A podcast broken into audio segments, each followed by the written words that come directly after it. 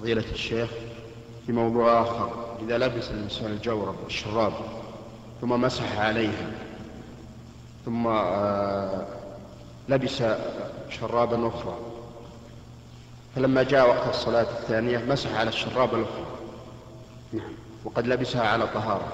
نعم. ثم صلى. هل يعيد صلاته؟ لا يعيد صلاته. هذا الصحيح أن هذا جائز. يعني إذا لبس خفا على خف قد مسح أي مسح الأسفل فليمسح على الأعلى لكن في خلال مدة المسح ابتداء من المسح الأول.